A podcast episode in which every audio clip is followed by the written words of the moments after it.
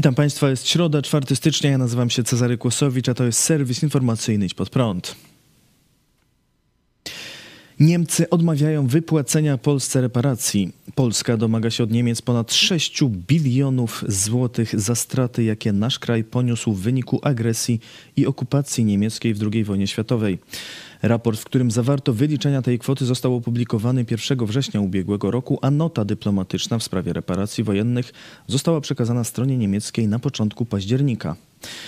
Wczoraj do polskiego MSZ wpłynęła odpowiedź Niemiec. Informując o treści pisma, rzecznik prasowy MSZ napisał w komunikacie: Według rządu RFN sprawa reparacji i odszkodowań za straty wojenne pozostaje zamknięta, a rząd RFN nie zamierza podejmować negocjacji w tej sprawie. Polska jednak nadal zamierza uzyskać należne nam reparacje. Rząd Rzeczypospolitej Polskiej będzie kontynuował wysiłki zmierzające do uregulowania należności wynikających z niemieckiej agresji i okupacji, czytamy w komunikacie MSZ.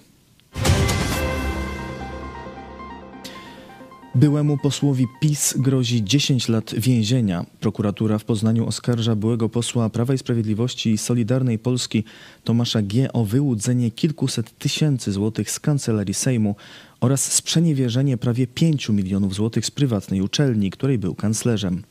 Rzecznik prasowy prokuratury okręgowej w Poznaniu poinformował, że akt oskarżenia oprócz Tomasza G. obejmuje pięć innych osób, w tym żonę polityka.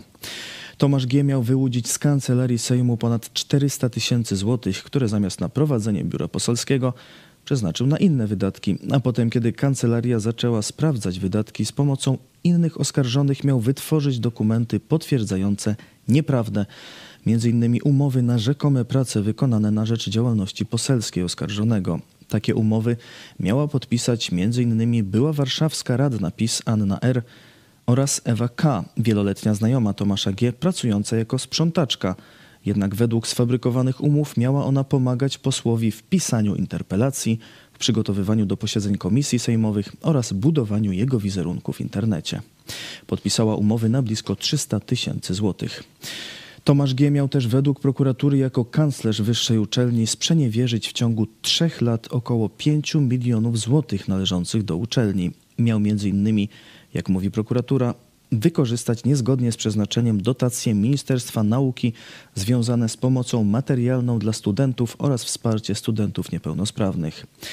Dawnemu parlamentarzyście grozi wyrok nawet 10 lat więzienia. Co ciekawe, od ponad 5 lat w sądzie rejonowym w Poznaniu toczy się inna sprawa karna Tomasza G., w której jest oskarżony o wyłudzanie kredytów jeszcze pod koniec lat 90. Tomasz G. był posłem w latach 2005-2015. Działał w Prawie i Sprawiedliwości, później przeszedł do Solidarnej Polski. W 2015 roku dołączył do partii Korwin, ale nie uzyskał reelekcji i porzucił politykę. Dwóch rosyjskich szpiegów stanie przed polskim sądem. Obywatel Rosji i obywatel Białorusi są oskarżeni o prowadzenie w Polsce działalności szpiegowskiej na rzecz rosyjskiego wywiadu wojskowego GRU od 2017 roku do kwietnia 2022. Sprawę będzie rozpatrywał Sąd Okręgowy w Białymstoku. Według prokuratury szpiedzy przekazywali rosyjskim służbom informacje na temat polskich sił zbrojnych. Jak podała rzecznik prasowa prokuratury okręgowej w Warszawie Aleksandra Skrzyniarz, Brali oni udział w, udział w działalności rosyjskiego wywiadu wojskowego GRU poprzez rozpoznawanie obiektów wojskowych mających krytyczne znaczenie dla obronności Polski, a także poprzez pozyskiwanie informacji o zdolności bojowej, morale i funkcjonowaniu ich jednostek, w tym w czasie zagrożenia, a następnie przekazywanie wyżej wymienionej służbie wywiadowczej uzyskanych informacji. Głównym polem aktywności szpiegowskiej oskarżonych było pozyskiwanie informacji na temat działań polskiej armii w związku z sytuacją na granicy polsko-białoruskiej. Realizowali zadania polegające na rozpoznaniu istotnych elementów sił zbrojnych Rzeczpospolitej Polskiej oraz pozyskiwaniu informacji, w szczególności w obszarze realizowania przez żołnierzy zadań w rejonie granicy państwowej z Białorusią w związku z tzw. Tak kryzysem migracyjnym ilości żołnierzy wykonujących zadania w rejonie granicy i struktury pododdziałów, wykorzystywania sprzętu specjalistycznego przez siły zbrojne, stanu morale i zdolności operacyjnych współdziałania stacjonujących w północno-wschodniej Polsce jednostek wojskowych z wojskami innych krajów NATO, podała rzecznik prasowa prokuratury okręgowej w Warszawie. PiS chce zaostrzyć kary za szpiegostwo. Klub Parlamentarny Prawa i Sprawiedliwości pracuje nad wprowadzeniem wyższych kar za działalność szpiegowską. Poseł Jarosław Krajewski, wiceprzewodniczący Sejmowej Komisji do Spraw Służb Specjalnych w rozmowie z PAP powiedział, że rozważane jest m.in. wprowadzenie kary dożywocia za organizację i udział w szpiegostwie przeciwko Polsce. Obecnie grozi za to maksymalnie 25 lat pozbawienia wolności. Prace dotyczą także definicji szpiegostwa. Jak wskazuje poseł Krajewski, w obecnych przepisach potrzebne jest bardziej aktualne ujęcie szeregu działań w cyberprzestrzeni. Zaostrzenie kar w zakresie szpiegostwa proponuje również Ministerstwo Sprawiedliwości. Projekt zmiany przepisów resort złożył już w październiku ubiegłego roku. Zakłada on m.in., że za przestępstwo udziału w działalności obcego wywiadu, za które obecnie grozi od roku do 10 lat pozbawienia wolności, groziłaby kara od 5 do 25 lat. Dłuższe kary więzienia, a nawet dożywocie groziłyby za przestępstwa takie jak udzielanie informacji czy też kierowanie i organizowanie działalności obcego wywiadu na terenie Polski. Większość krajów Unii chce obowiązkowych testów COVID dla osób przyjeżdżających z Chin. W stanowisko po wczorajszym posiedzeniu Unijnego Komitetu do Bezpieczeństwa Zdrowia proponuje się też wprowadzenie środków higieny osobistej dla podróżnych z Chin, z Chin, w tym noszenie masek podczas lotów, wzmożone monitorowanie czy badanie ścieków w samolotach. Po złagodzeniu w Chinach polityki zero COVID nowe szczepy koronawirusa rozprzestrzeniają się w chińskim społeczeństwie, które nie ma też dostępu do skutecznych zachodnich szczepionek. Chiński rząd nie chce podawać liczby zakażonych. Według BBC może ona przekraczać 2 miliony dziennie, natomiast liczba zgonów sięga około 9 tysięcy dziennie. Agencja Bloomberg donosi, że w wielu miejscach domy pogrzebowe są przepełnione, a krematoria nie nadążają ze spalaniem ciał. Pracownik jednego z krematoriów w Szanghaju powiedział: Cały system jest teraz sparaliżowany. Niektóre rodziny ustawiają się w kolejce już o godzinie trzeciej nad ranem, a i tak nie ma pewności, że tego dnia ciało ich bliskich zostanie skremowane. W tej chwili nie możemy podać ludziom daty kremacji.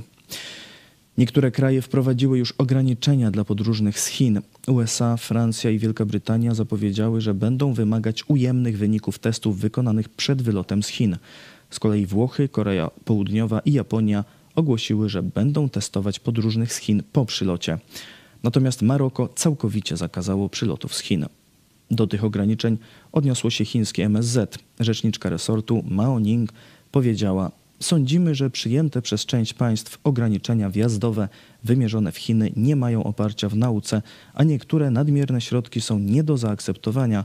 Stanowczo sprzeciwiamy się praktyce manipulacji, zapobiegania epidemii i środków kontroli w celach politycznych i podejmiemy odpowiednie środki w zgodzie z zasadą wzajemności na różne sytuacje najlepiej zareagowało Maroko, bo zamknęło po prostu granice dla chińskich samolotów. Także no Maroko mhm. może, tak a, a wszyscy inni to no, tam myślą na różnego rodzaju, no to, a to testy, które Chińczycy muszą siebie robić, przy, przyjeżdżać z negatywnym wynikiem. No to, to, takie świadectwo podejrzewam można sobie także w Chinach kupić i można z nim, e, z COVID-em i z takim świadectwem negatywnego testu wjechać e, e, do, do na, na, zachód. To w Polsce w ogóle się na ten temat nie mówi, to jest najciekawsze. Podczas gdy no, jednak śledzi się sytuację na świecie, dużo się o tym pisze, no to w Polsce bardzo mało się o tym mówi. No, Polska no, nic, żadnych kroków tutaj nie podjęła, nie poszła za radą Włoch, żeby, żeby e, wprowadzać jakieś obostrzenia. E, czekamy po prostu na, na decyzję Unii Europejskiej. Gdybyś to my, gdybyśmy sami to zadecydowali, no to świadczyłoby o tym, że rozumiemy wagę zagrożenia i rzeczywiście byśmy to wprowadzali starannie. Każda nasza e, słabość, myślę, że teraz no, otwierają szampana w Pekinie, kiedy widzą, że my po prostu nie, nie będziemy robić nic i boimy się ich, ich gruźb, że oni jakieś restrykcje, za restrykcje e, wprowadzą. No ale oczywiście ka każda słabość z naszej strony, to, że my nie potrafimy odpowiedzieć e, ostrzej wobec Chin, e, e, wobec tego zagrożenia covidowego ze strony Chin, które są wyraźnym sojusznikiem Putina, to także jest oznaka naszej słabości i to jest na rękę temu sojuszowi, sojuszowi Chin i Rosji. Wpływy rosyjskich agentów w Niemczech ujawnia dziennikarskie śledztwo. Według dziennikarzy agencji Reutera kluczowi uczestnicy debaty publicznej w Niemczech posiadają szerokie powiązania z Moskwą. Dziennikarze przypominają wrześniową demonstrację w Kolonii, podczas której manifestujący wzywali rząd Niemiec do zerwania z zachodnią koalicją wspierającą Ukrainę i do zawarcia pokoju z Rosją. Na podstawie danych z mediów społecznościowych zidentyfikowano dwóch mężczyzn obecnych na tym proteście. Pierwszym z nich jest Max Schlund z Kolonii. To były oficer rosyjskich sił powietrznych, którego oryginalne nazwisko to Rostisław Tesluk. W ostatnich miesiącach podróżował na okupowaną przez Rosję wschodnią Ukrainę. Niedawno rosyjska agencja rządowa zapłaciła za jego bilet lotniczy do Moskwy na konferencję, na której głównym mówcą był prezydent Władimir Putin.